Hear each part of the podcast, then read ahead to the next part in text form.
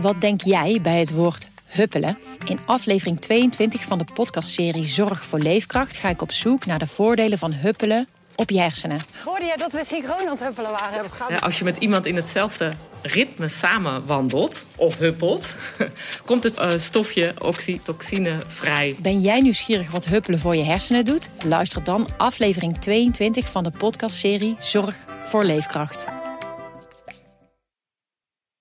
Ben jij de aangewezen persoon als het gaat om spellen en taal? Doe dan mee met Het Woord. Dagelijks krijg jij vijf kansen om het woord van de dag te raden. Door middel van hints raad jij het woord. Ga naar ad of jouwregionale titel.nl slash het woord.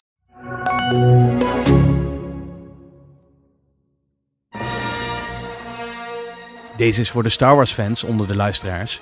Toen Luke Skywalker in Return of the Jedi aangeboden kreeg om zijn vaders plaats in te nemen onder de Emperor, klonk het aanbod erg aanlokkelijk. Hij zou de tweede man in een groot universeel keizerrijk worden. Best een aardig baantje voor zo'n jonge gozer. Maar hij vertrouwde het zaakje niet. De Empire werd geregeerd door de Dark Side en het is volgens mij nooit goed als je bij een club hoort die de Dark Side heet. Dus bedankte hij nogal onvriendelijk voor het aanbod. Net als Luke Skywalker kreeg Willem Batavus, de opvolger van Willem IV, ook een aanbod om onder een keizer verder te regeren. En net als Luke bedankte hij voor die eer. Het enige verschil was dat Willem geen lightsaber had. Nou ja, het enige. Dit is Van Oranje, van Willem tot Amalia. In deze podcast praten Koningshuisverslaggever Jeroen Smalen van het AD en ik, Kevin Goes, over de geschiedenis van Nederlands belangrijkste familie, de Oranjes. In dit seizoen maken Jeroen en ik de stap van Willem van Oranje naar koning Willem I.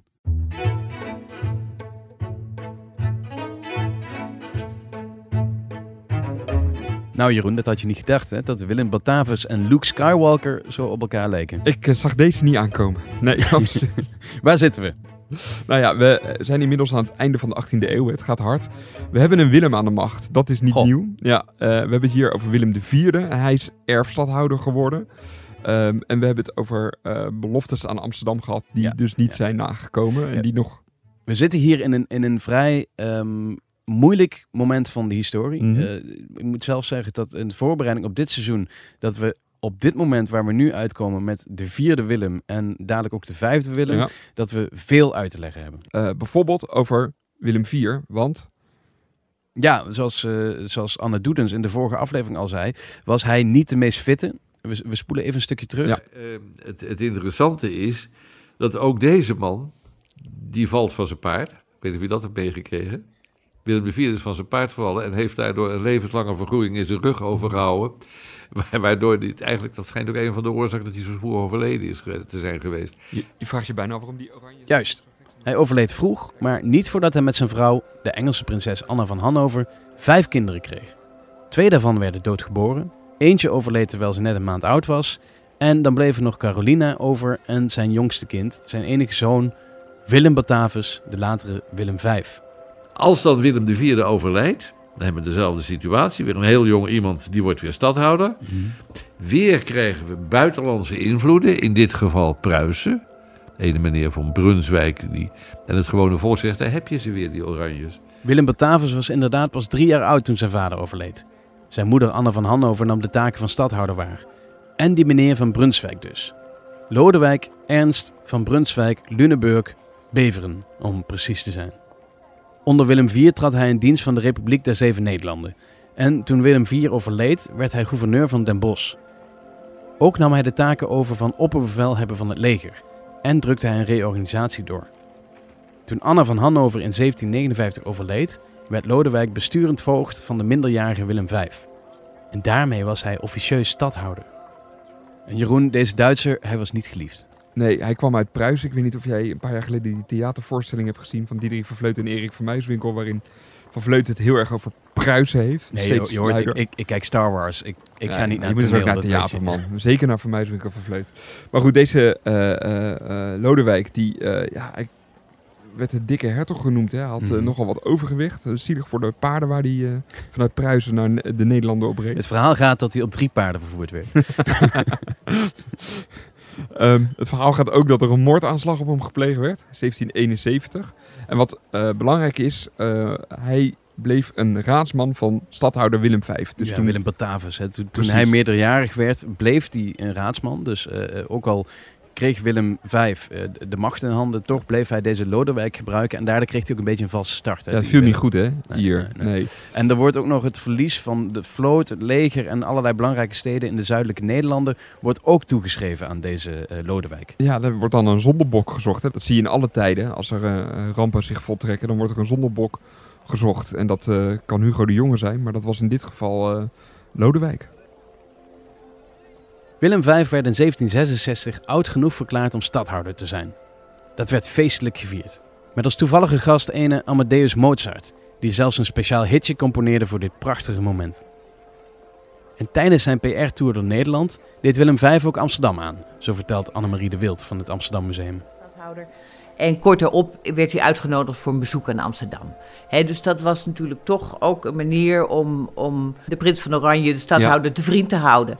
En uit te pakken, maar ook te laten zien van, nou, weet je wel, kijk eens even hoe groot en machtig eh, wij als, eh, als, stad, eh, als stad zijn. Daar werd alles uit de kast gehaald. Ja, ja er werd alles uit de kast gehaald en dan, en dan krijg je, ja, dit is bijvoorbeeld een, fantastisch beeld van de- een bal in het stadhuis. Dus het Amsterdamse stadhuis, nu het Paleis op de Dam. Eh er werd dan een enorme bal gehouden in die burgerzaal, eh, prachtig verlicht. Hij was ook formeel bewindhebber geworden van ehm, een, twee compagnieën die natuurlijk in Amsterdam ook enorm belang waren. West-Indische Compagnie en de Verenigde Oost-Indische Compagnie. Die dus ja, de handel eh, op nou, het ene half, het westelijk halfrond en het Ja. oostelijk halfrond. En toen wel over een hoogtepunt heen, denk ik, hè, in die tijd. Ehm, ze waren voor een deel over een hoogtepunt heen, maar ze bestonden nog. Maar Amsterdam wilde de nieuwe stadhouder dus pleasen. Maar het boterde niet tussen Willem V en de Nederlandse bevolking. Ze weer die oranjes. Ze gaan weer, eerst waren het de Engelsen. Ja, nu, En, nou, en nou zit er weer een Brunswijk en, en, en Pruisen. En dan trouwt Willem de vierde, oh, vijfde ook nog eens een keer met een Pruisische dame, Wilhelmina. Ja, wacht even. Eh, wij gaan een andere kant uitkijken. Hij had sowieso een slechte start. Een start die bij de Oranjes paste. De herhaling zit hem hierin. Weer een kind dat geboren is op het moment dat de vader overlijdt. En Ja, dat er twee dames de macht ja. weer overnemen. Onder andere die Anna van Hannover. En dan ja, de ongelukkige omstandigheid dat in Europa overal revolutie staat op uitbarsten. En Willem V kiest daarin de verkeerde kant en is pro-Engels. En gaat er nog eens een keer naartoe. En wat is Maar even terug naar die Willem Batavus. Wat was dit eigenlijk voor een figuur? Er wordt van hem gezegd dat hij een goed geheugen had, dat hij filosofisch was en aardig. Maar dat zijn nou niet echt leiderschapskwaliteiten. de- Willem V, die, laten we zeggen, helemaal nooit politicus had moeten worden. En dat heeft hij ook zelf gezegd. Hij was namelijk besluiteloos en niet bereid om hervormingen aan het systeem door te voeren, op het moment dat daar in Europa overal om gevraagd werd. In de Verenigde Staten brak een revolutie uit, in Frankrijk was er een revolutie en timmerde ene Napoleon Bonaparte hard aan de weg om een BF'er te worden. Maar de vijfde Willem dacht aan al die spanningen te kunnen ontkomen. Dat zijn vrouw Wilhelmina Pruisisch was, hielp ook niet mee in de beeldvorming. De relatie met de Pruisen was slecht en zijn gehate surrogaatvader Lodewijk van Brunswijk was natuurlijk ook Pruisisch. Jeroen Willem V wordt overladen met moeilijkheden. Ze stapelen zich op. Ja, want eh, hij wordt beschuldigd van heulen met de vijand tijdens de oorlog met eh, Engeland. En we hebben natuurlijk dat moment eh, dat ja, duidelijk wordt dat hij ge- geadviseerd wordt door Lodewijk van Brunswijk. Hè? Ook Die, na ja, dat die hij dikke hertog. ja. Precies, die Ja. dikke Duitser op die drie paarden. En ja, de patriotten buiten die zaak echt uit. Die maken daar een, een heel verhaal van. En dat resulteert in het feit dat Lodewijk het land wordt uitgezet. Ja, ja, en, en Willem V verliest op dat moment ook, hè, 1785, eh, zijn militaire posities. Dus dat, wat hij geërfd heeft van zijn vader, eh, die generaal daar Unie, dat wordt hem afgenomen. En zelf wilde hij eh, afstand doen van het stadhouderschap op dat moment. Emotionele Willem, echt een beetje iemand die, ehm, ja, die tegen een burn-out aan zit, Ja. mag ik wel zeggen, als ik dit zo lees. Hij zei, ik wenste dat ik dood ware, dat mijn vader nimmer stadhouder was geworden. Ik voel, ik ben daartoe niet bekwaam. Het hoofd loopt mij om. Ah, arme Willem. Ja. Nou ja, hij hij eh, moet weg uit Apeldoorn naar Paleis het Loo. En hij, is, eh, hij en zijn eh, familieleden zijn daar niet meer, voelen zich daar niet meer veilig. En ze pakken de paarden en ze vertrekken naar Nijmegen. Er is een strijd gaande tussen patriotten en orangisten. De patriotten waren zeer pro-Frankrijk, waar de revolutie in volle gang was, terwijl de orangisten, de naam zegt het al, wilden dat Willem V weer in ere hersteld werd in Den Haag. Zijn vrouw Wilhelmina neemt daarin het voortouw en gaat in een koets op weg naar Den Haag om de Staten-Generaal te overtuigen om de vijfde Willem weer in genade aan te nemen. Maar onderweg wordt zij tegengehouden door patriotten. Ik laat Anne even de naam van de plek uitspreken waar dit gebeurde, dan hoef ik het namelijk zelf niet te doen. Goejan van Wellensluis. Juist, en dat ligt ergens tussen Haastrecht en Schoonhoven aan de Vlist. Als dat wat duidelijk maakt. Wat nu voor de voice-over misschien mooi is. Ik, eh, ik fiets graag en ik woon in Zuid-Holland. Ja, Het mooiste stukje fietsen is naar Haastrecht. Ja. Of tenminste van Haastrecht naar... Waarvan akte. Ja, de Vlist. Maar waarom ging Wilhelmina nou naar Den Haag om haar man te redden? Ten eerste omdat Willem zelf als zwak gezien werd en zich teruggetrokken had in Nijmegen. Maar ten tweede omdat Wilhelmina haar mannetje stond. Zeker gezien haar figuur. Het is een stevige Pruisische dame, niet voor niks familie van ene Frederik en Hazaat. Die dan, dan zegt van ja, wacht, wij gaan van Nijmegen met de koets. Haastrecht, Goejan van Willemshuis wordt tegengehouden door die arrogante patriotten. Dat mengeling, die mengeling van oproerige lagere bevolkingsgroepen en boze aristocraten. Ja. Want het is een monsterverbond wat er ontstaan is. Die patriotten. Daardoor is het voor de Oranjes misgegaan. Maar die houden Wilhelmina van Pruisen dus tegen. Ja. Ja. Ja, en het- en ja. dat komt ze duur te staan. Ja, want dat, dat, dat, dat is eh, heel verzekerd. Want dat leidt tot het ingrijpen van, et cetera, de, de, de Pruisische boer die met eh, een paar tienduizend man hier de grens over komt rollen. En dankzij die Pruisische broer, zoals Anne hier koning Frederik Willem II van Pruisen noemt, komt de prins van Oranje via een aantal veldslagen op 20 september 1787 weer in Den Haag aan en neemt hij zijn plek als erfstadhouder weer in.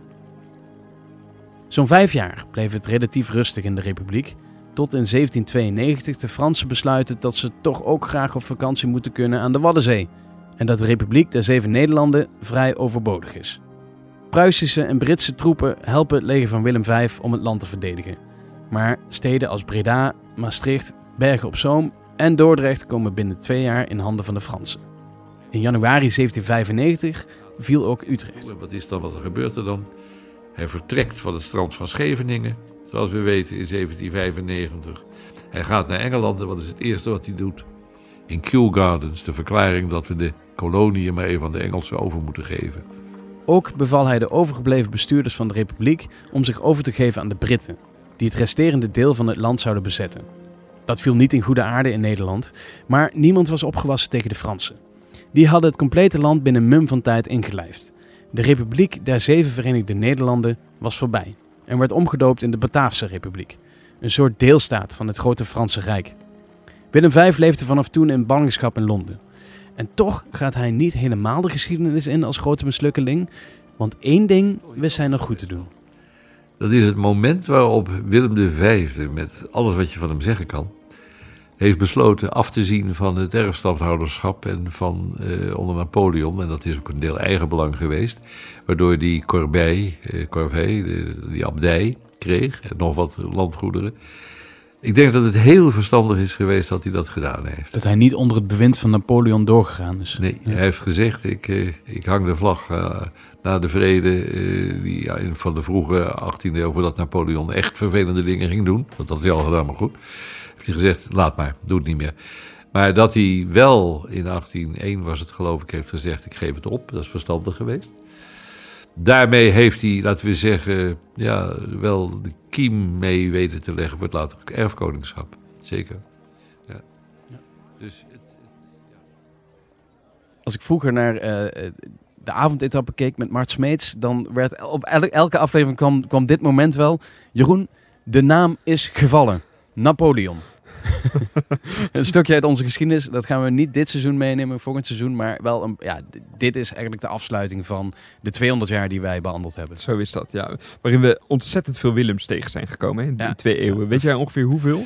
Eh, nou, volgens mij hebben we vijf stadhouders gehad die Willem heten. Ja. Maar we hadden ook nog allerlei kinderen en bastaardzonen en doodgeboren kinderen die ook allemaal Willem heten. Dus eh, ja, een stuk of dertig, denk ik. Ja, zoiets. En hoeveel Anna's? Want daar zijn we er ook nog wat van tegengekomen. Ja, nee, die heb ik niet geteld. Maar eh, Anna van Hannover, Anna van Heg- Egmond, Ja. ja, van alles. Ja. Eh, heel veel Anna's ook. Ja, we zijn heel veel Britten tegengekomen. Fransen, Pruisen. Een dikke eh, hertog, ja. Een, een hele dikke, dikke Pruisische hertog.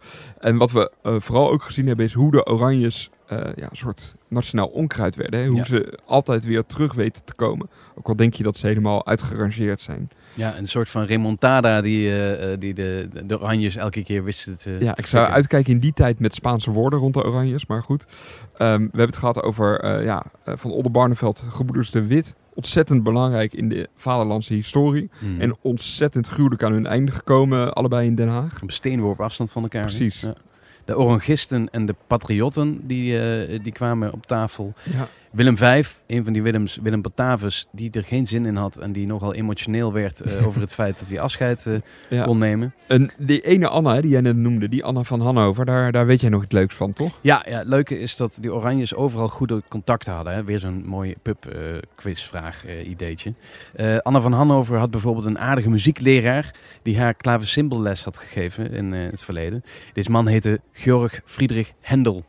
Misschien wel bekend. Die, Ja. die ken ik wel. Ja, een grote componist uit de geschiedenis. Als, als cadeautje voor het huwelijk van Anna met Willem IV componeerde hij de banger Il Parnasso in Festa. We luisteren even naar een fragment. Zwaaien gedag en met de gedachte Parijs is nog ver. Dalida. Oh nee, Hendel.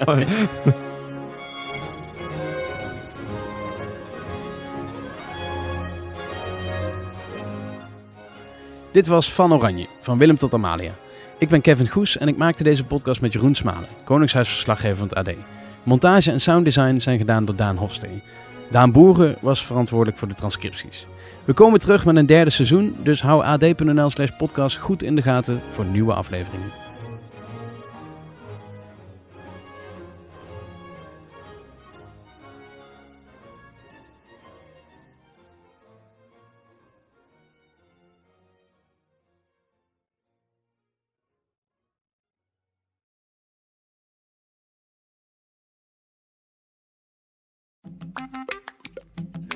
Wat denk jij bij het woord huppelen? In aflevering 22 van de podcastserie Zorg voor Leefkracht ga ik op zoek naar de voordelen van huppelen op je hersenen. Hoorde jij dat we synchroon aan het huppelen waren? Ja, als je met iemand in hetzelfde ritme samen wandelt of huppelt, komt het eh, stofje oxytocine vrij. Ben jij nieuwsgierig wat huppelen voor je hersenen doet? Luister dan aflevering 22 van de podcastserie Zorg voor Leefkracht.